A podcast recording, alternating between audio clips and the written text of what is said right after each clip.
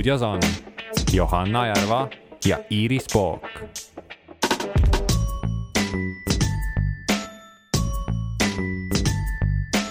elu meie ümber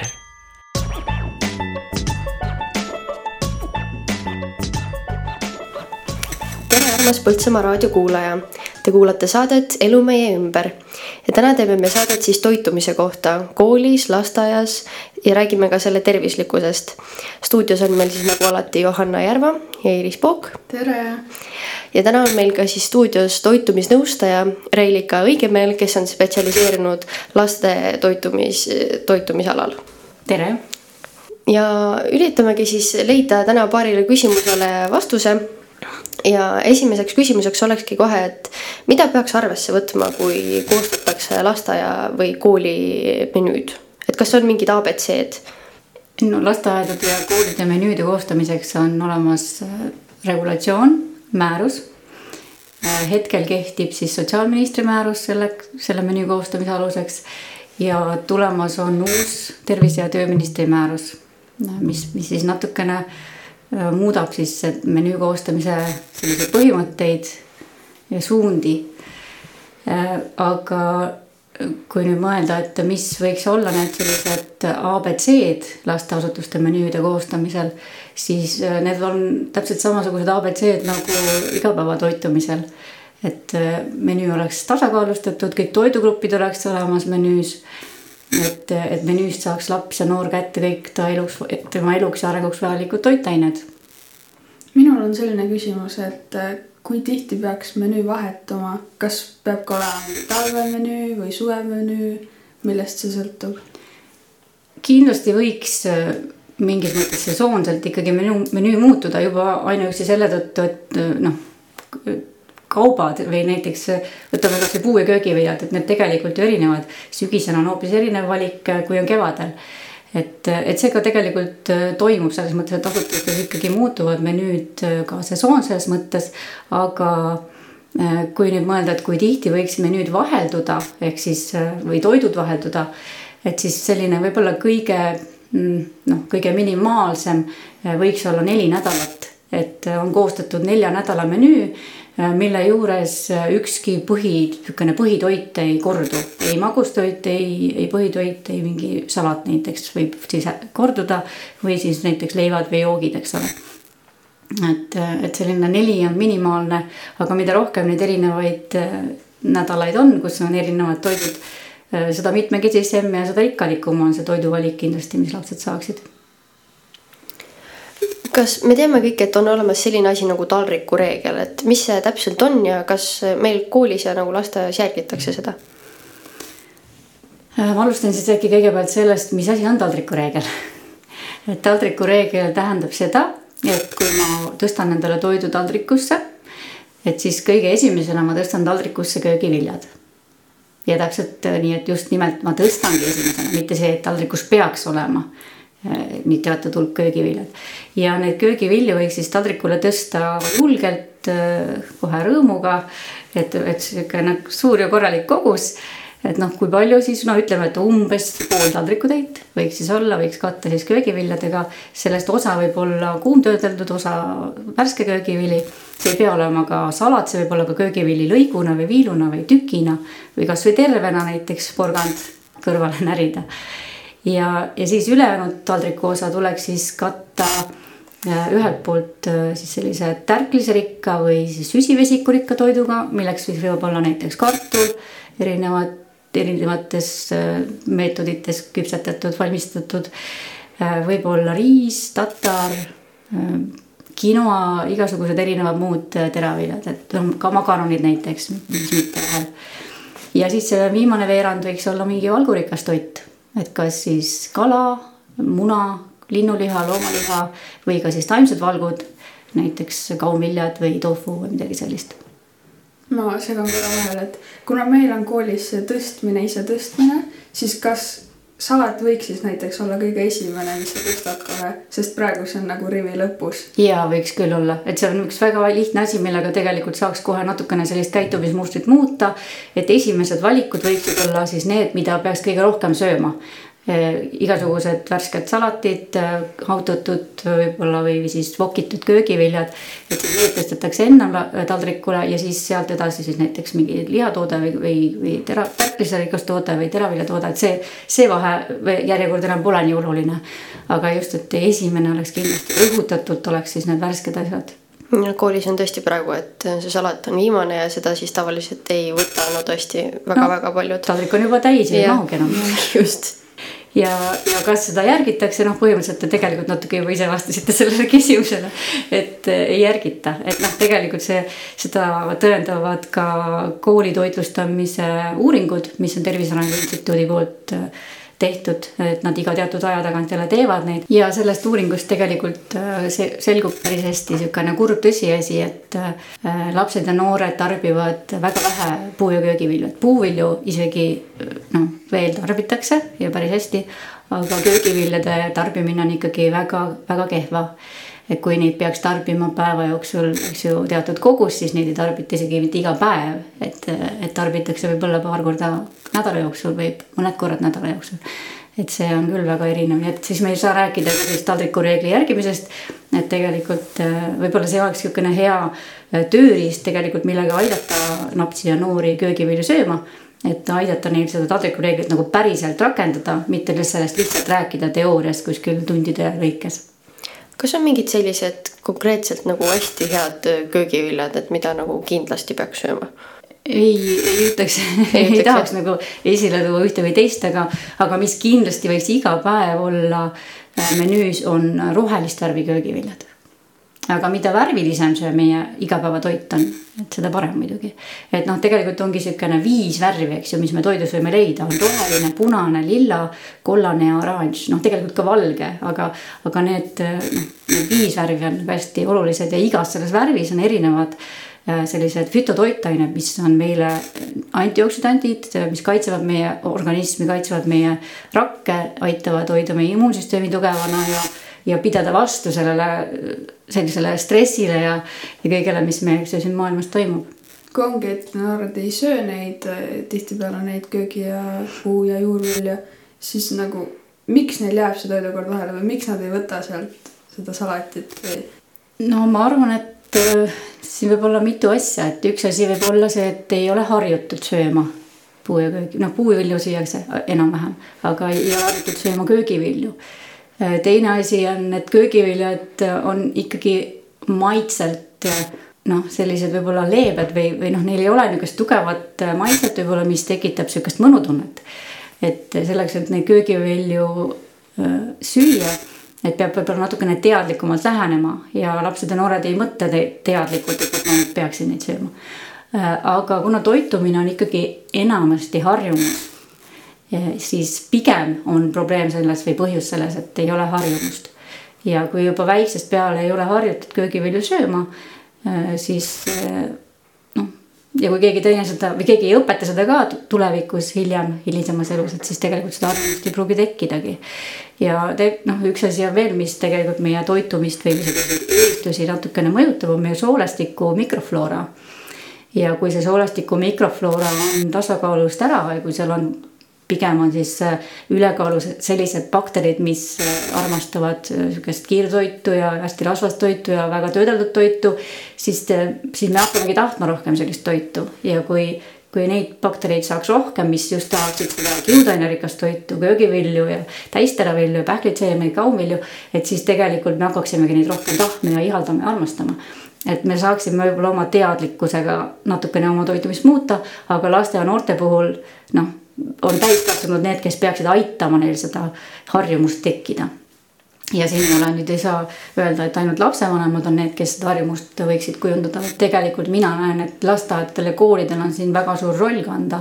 mida minu arvates noh, lasteaedades isegi päris palju juba kantakse, aga koolides on see ikkagi päris. kas see on suur probleem, kui noorel jääb söögikord vahele?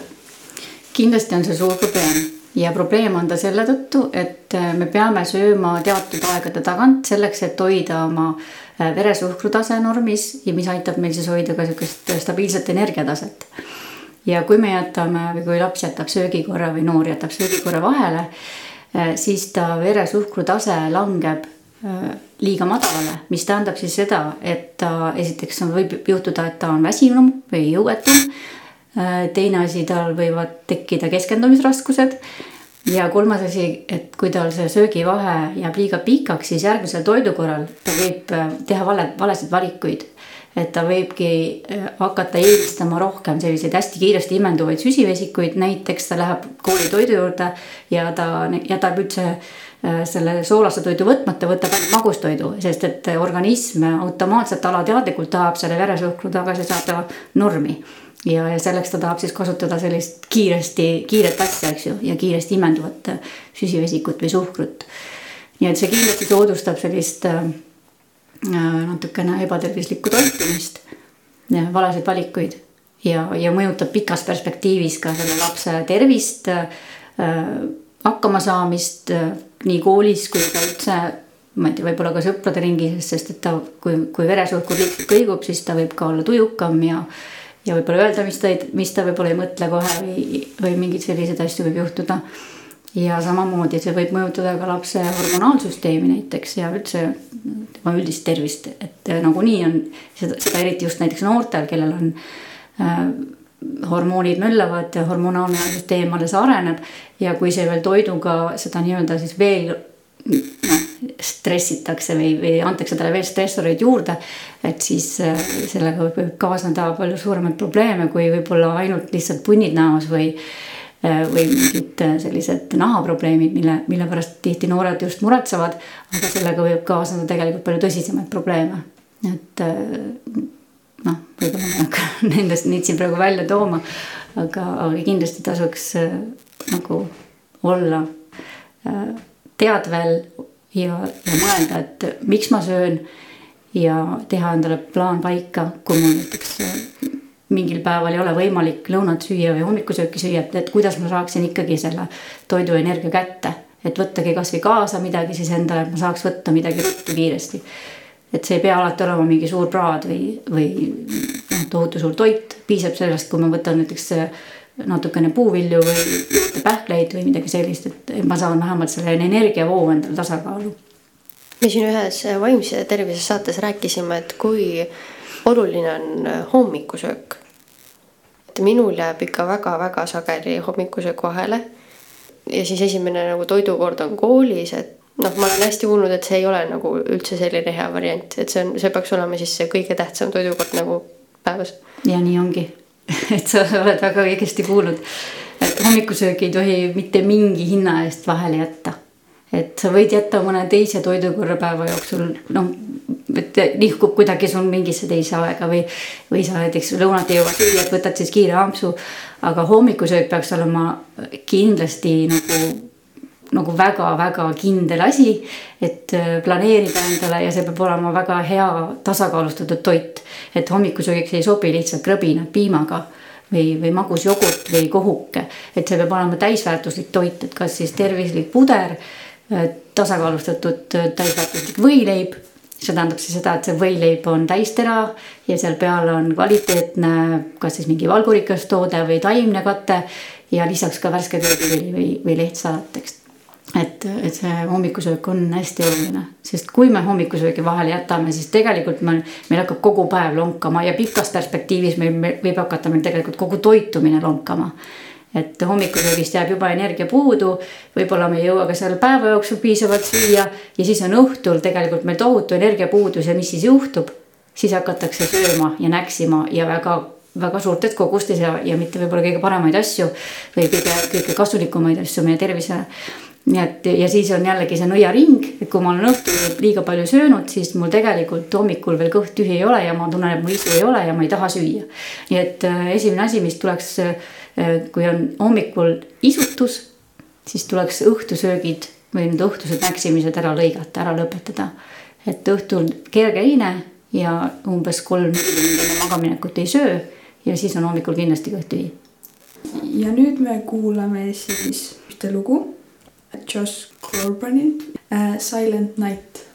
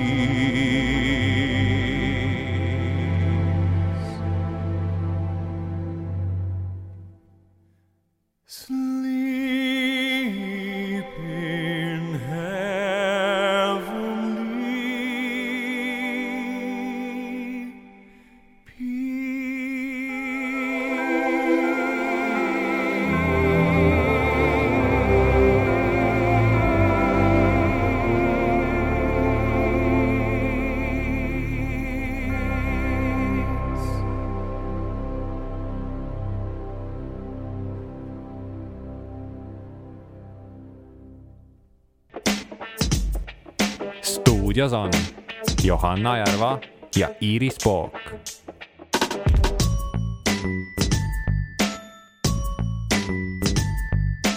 elu meie ümber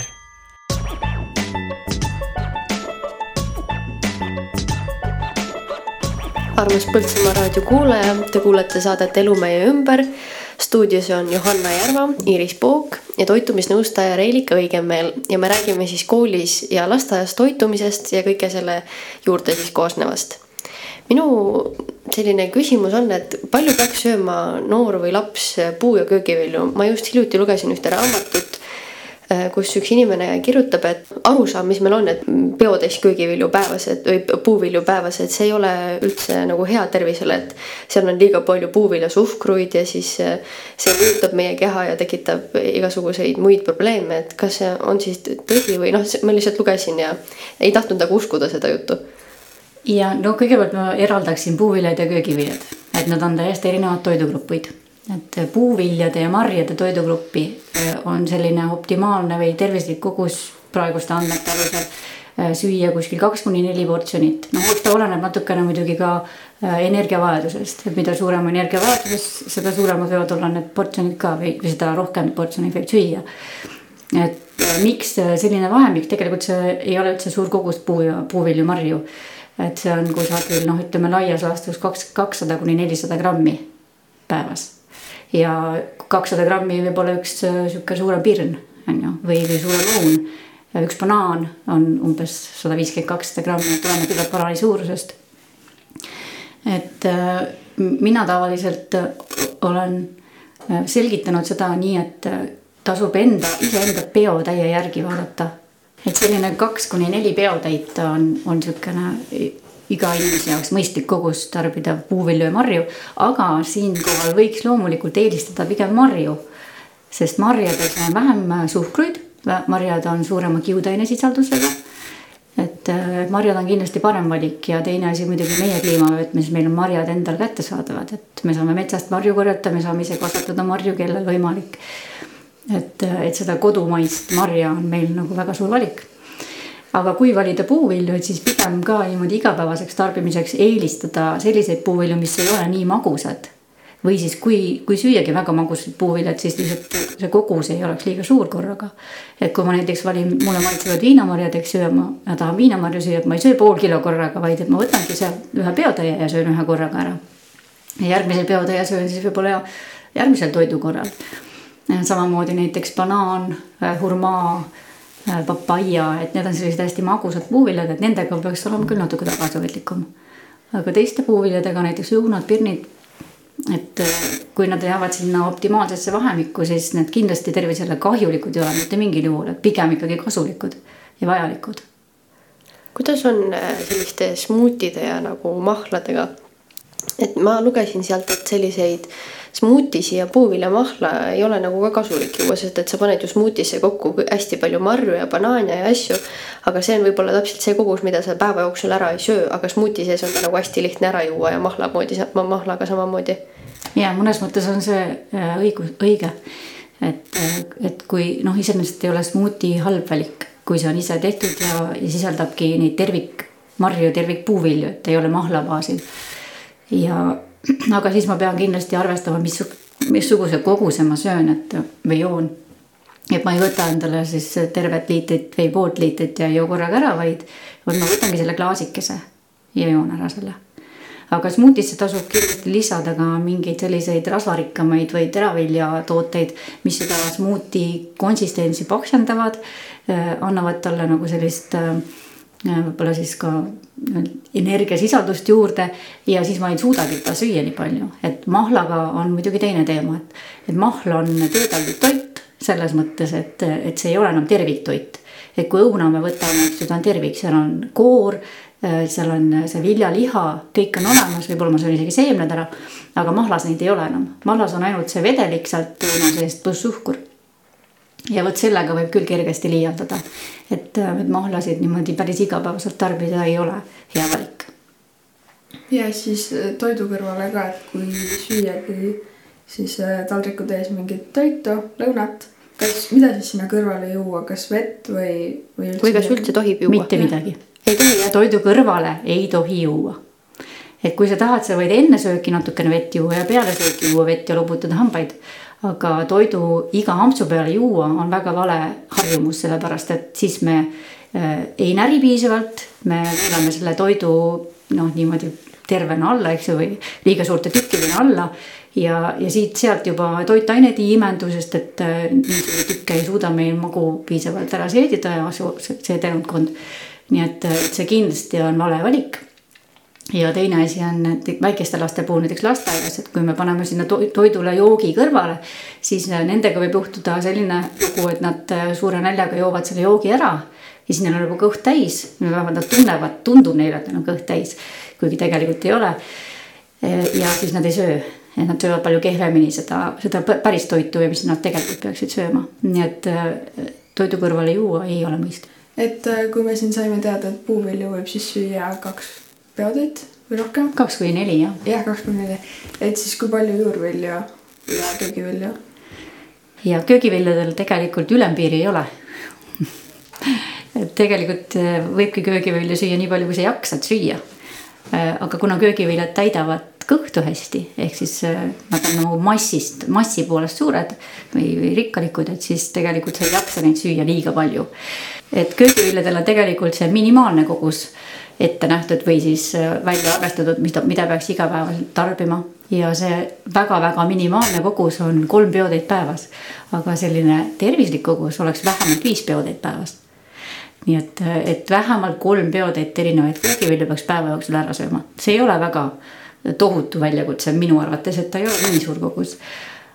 aga paljude jaoks on, eriti laste jaoks või noorte jaoks aga jaa, me peaksime kindlasti jagama selle päeva peale ära, et me ei, ei saa süüa seda ühte kogust kindlasti mitte ühel toidukorral, sest me lihtsalt ei jaksa süüa nii palju korraga ära. et me peamegi alustama kohe hommikul köögiviljadega, et kindlasti võiks midagi süüa hommikul juba, siis lõunasöögil ikka suurem kogus ja õhtul ka. ja võib-olla ka siis midagi, kui näiteks hommikul ei, ei söönud, et siis vahepalaks midagi näksime juurde, et, et saaks vähemalt selle kolmsada grammi kokku, aga veel parem, kui saaks viissada aga mitu korda päevas siis üldse peaks sööma, et mina olen kuulnud seda noh, klassikalist kolme, siis kuidagi erinevad need toitumisprogrammid räägivad ka viiest, et noh, see on kindlasti hästi individuaalne inimestel, aga jah, noh, tegelikult selline vähemalt praegused Eesti toitumisliikumissoovitused ütlevad ikkagi, et kolm põhitoidu korda ja sinna vahele kaks-kolm vahepala. et, et oleneb sellest, kui pikk on päev.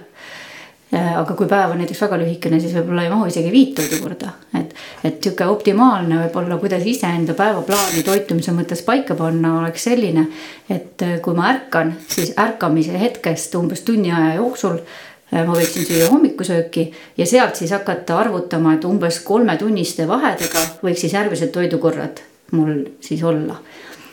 ja, ja see tähendab siis seda, et tegelikult tavalisse päeva mahubki kolm põhitoidukorda, hommikusöök, lõunasöök, õhtusöök, mille vahele mahub kaks vahepala kindlasti, aga võib-olla kui, kui liiga või väga kaua veel üleval ollakse õhtul, et siis mahub äkki veel kolmaski vahepala. aga kak-, ütleme, et viis korda on siis selline mõistlik. et need vahepalad on hästi tähtsad tegelikult, mida tihti jäetakse söömata aga millised võiksid siis olla need noore ja lapse vahepalad ja snäkid? No kõige paremad vahepalad on puuviljad ja pähklid. et, et ma võtangi, need on kõige lihtsam ka kaasa võtta endale näiteks kooli või, või kus ka täiskasvanud endale näiteks töö juurde. no lasteaedades enamasti on need vahepalad juba päeva sisse arvestatud, need nii-öelda vitamiiniampsud. muidugi pähklite või seemnetega on seal natukene noh, veel ei ole nii hästi arenenud. aga ma usun, et uue määruse valguses see ka muutub, sest määrusesse tulevad pähklite ja seemnete nõuded sisse aga mis nüüd võikski olla siis lapsele selline mõistlik kogus vahepalaks ongi üks peotäis puuvilju ehk siis üks puuvili näiteks õun või pirn või banaan ja sinna kõrvale siis teine samasugune peotäis, see on kusagil umbes sihuke kümme-viisteist grammi või, või noh, oleneb peotäiest võib-olla ka kakskümmend grammi suuremal poisil pähkleid või seemneid. ja no need, mis parasjagu siis endale meeldivad et kas India pähklid, mandlid, sarapuupähklid, Kreeka pähklid, pähklite segu, päevalilleseemned, kõrvitsaseemned. et äh, mis parasjagu siis kätte on saadavad või, või maitsevad. sellega on see, et näiteks äh, minul on breketid, mul on üsna keeruline tervet õuna näiteks süüa ja siis ma peangi selle kooli võtma tükeldatuna, siis ta läheb mul pruuniks, siis ei meeldi mulle, pähklitega täpselt sama jama. Et äh, mina olen lihtsalt küpsetanud midagi väikest. ma tean, et see võib-olla ei ole kõige parem vahepala, aga ikkagi ma saan läbi koolipäeva. ja see ei ole halb valik ja võib ka olla näiteks jogurt et võib-olla hea oleks muidugi võib-olla, kui ise teed selle, seesama smuuti võib-olla, mis sa teed endale valmis, võtad kaasa väikse pudeliga. et see võib olla ka võileib, ikkagi tasakaalustatud võileib, mitte lihtsalt juustusai või singi või vorstisai. Et, et see ei pea olema ka lihtsalt kõige lihtsam valik või, või noh, oleneb kelle jaoks lihtsam. et breketitega noh, iseenesest see katki lõikamine ei ole halb mõte, kui see on ilusti õhukindlalt suletud, siis ta oleneb, kui, kui kaua ta on, eks ju, et paari-kolme tunniga isegi võib-olla nelja tunniga ta päris pruuniks ei lähe, et ta oleneb ka viljast, eks. aga pähklitega äh, on ka siis võib-olla selline variant, et äh, kui, äh, kui mingil põhjusel neid kuivatatud terveid pähkleid ei saa süüa, et kas siis hambastega on mingid probleemid või, või breketid on, et siis need võib ka teha selliseks pähklikreemiks ja, ja siis panna kas siis sepiku peale või, või võttagi sellesama õunaga neid õunatükiga nagu tipikastet ja siis süüa nad niimoodi hoopis. me siin enne rääkisime lihast, et me rääkisime, et taldriku peal peaks siis olema üks äh, neljandik äh, liha. Et aga kuidas taimetoitlastel siis on, et mida nad saavad asendada seal taldrikus selle lihaga ja kas noorel on üldse nagu mõistlik olla taimetoitlane, et mina ei söö juba aasta aega ei ole söönud nagu liha, et ma olen söönud ainult kala. aga sellele oli mu ema ja oli selle hästi tükk aega vastu, et seal on ju kõik need noh, need vitamiinid, mis kõik sealt ainult lihast saab, et neid ei saa kuidagi juurde võtta, et. aga ma olen kuidagi hakkama saanud siiamaani ja tegelikult ei ole ühtegi toitainet sellist, mis on mingis ühes kindlas toiduaines ja kuskilt mujalt me seda ei saa, ei ole nii et kui ma ikkagi kombineerin erinevaid toiduaineid kokku, siis on võimalik saada kõik toitained kätte äh, taimetoitlane, kes siis ei ole nagu täis, noh, täiesti taimetoiduline, kes üldse mitte mingit loomset ei söö. taimetoitlane ju sööb mingeid loomseid tooteid mm -hmm. ka nagu võib-olla piimatooteid, muna, kala, võib-olla ka kana, linnuliha. Et, et nende, selles ei ole nagu mitte mingisugust äh, takistust või probleemi või vähemalt mina ei näe äh, kui see toitumine on tasakaalustatud, et ka täiesti tavaline segatoiduline võib, võib olla rauapuuduses. mis siis, et ta sööb väga palju liha, aga ikkagi tema menüüanalüüsist võib välja tulla, et rauda on liiga vähe. et liha ei ole ainukene rauaallikas meie toidus ja ka mitte ainukene valguallikas.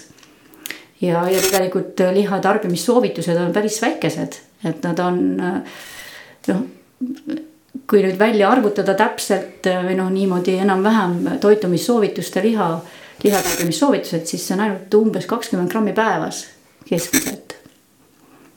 nii et see on väga väike kogus ja linnuliha seejuures on võib-olla, võib tarbida umbes viiskümmend grammi päevas ja kala vähemalt viiskümmend grammi päevas. nii et, et need kõige väiksem osa võikski olla siis nendest valgurikastest toiduainetest liha osakaal ja ülejäänud siis kalast ja linnulihast hoopiski süüa ja muna ka vahepeal aga mis puudutab siis äh, täiesti täielikku taimetoitlust ehk veganlust, siis sellisel juhul äh, peaks tähelepanu pöörama teatud äh, toitainetele ja seda, seda on võimalik täiesti tasakaalustatult teha. lihtsalt natukene peab läbi mõtlema, et mida ma söön. Mingid kindlad toiduained tuleb võtta menüüsse, noh näiteks seleeniallikana parapähklid siis, et valguallikana oleks olemas piisavalt kaunvilju menüüs et ma ei, ei toituks ainult puuviljadest, köögiviljadest, teraviljadest. et kaunviljad on ka väga oluline äh, teatud aminohapete allikas.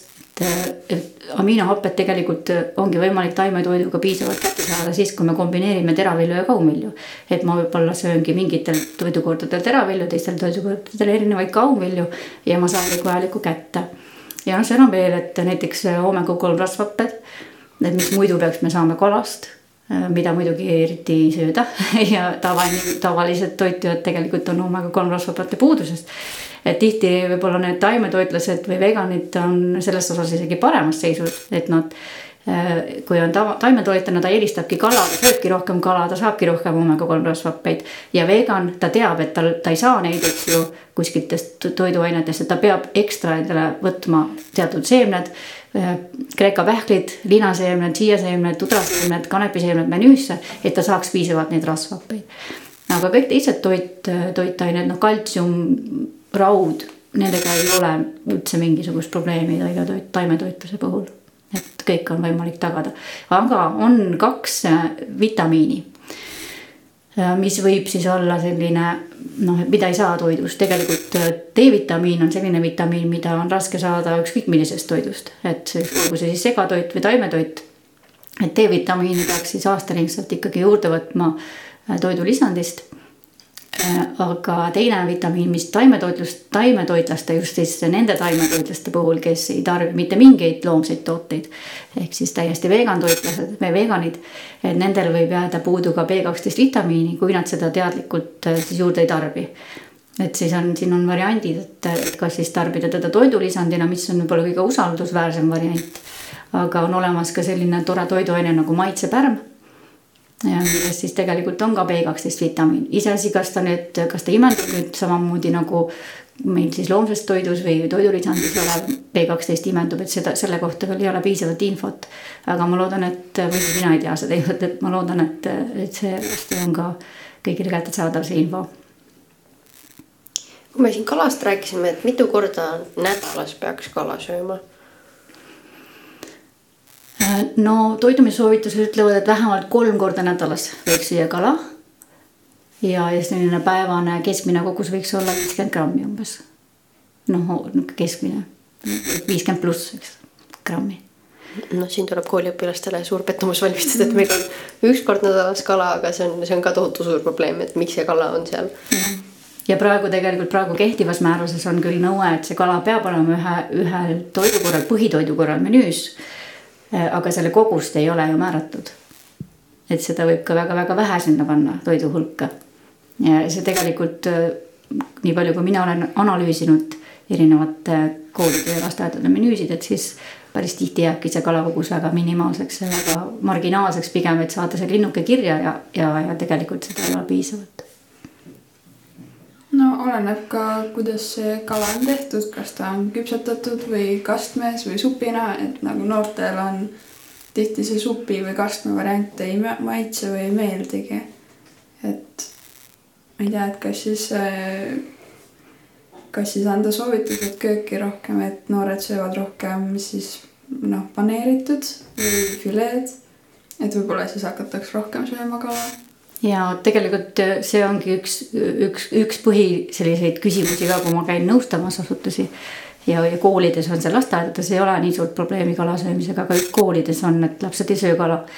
ja mm, no mina olen vähemalt pakkunud küll välja seda varianti, et, äh, et pakkudagi selliseid kalatoitusid äh, mida lapsed ja noored on valmis sööma, et katsetada, proovida või siis ka kutsuda lapsed appi, küsida nende käest, et mis tooteid. loomulikult me ei saa teha kalapulki ja ei saa ka pakkuda kogu aeg paneeritud kala, et see on loogiline.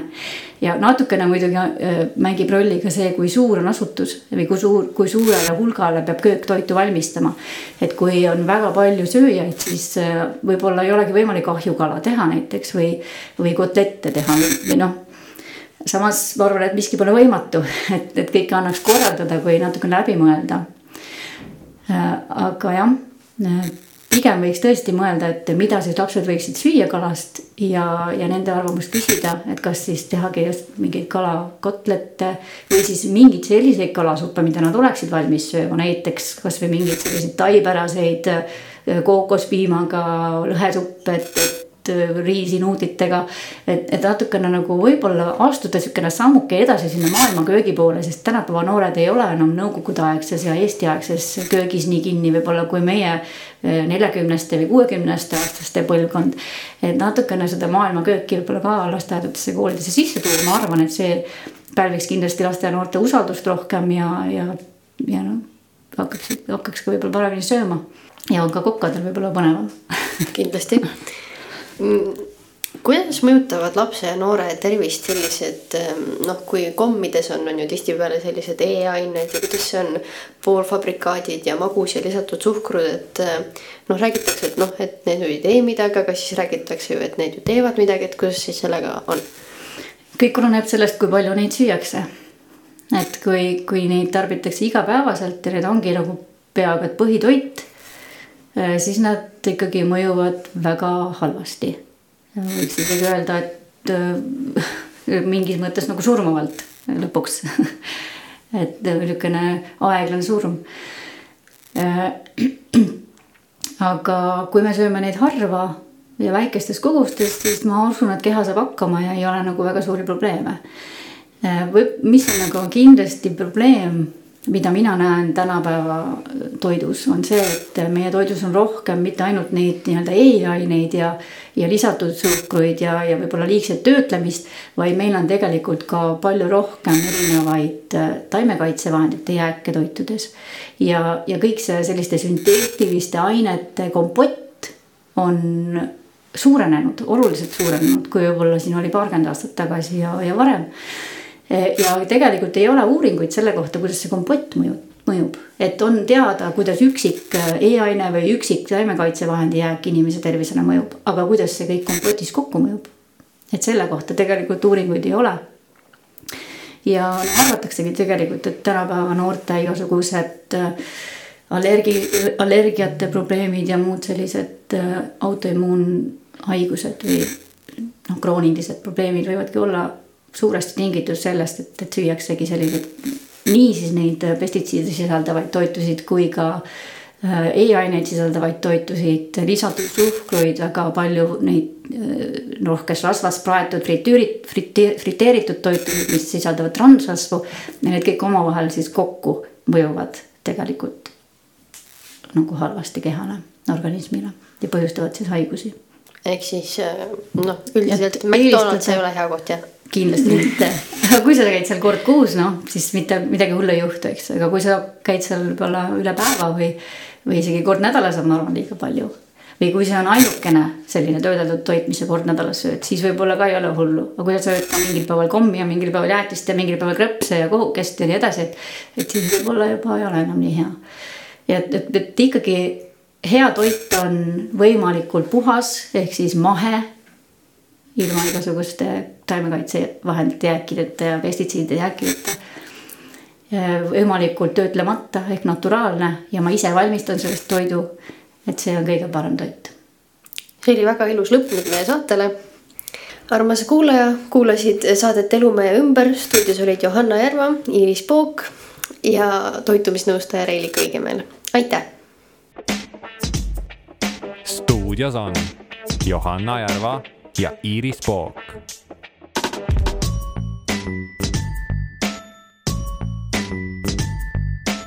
Elu meie ümber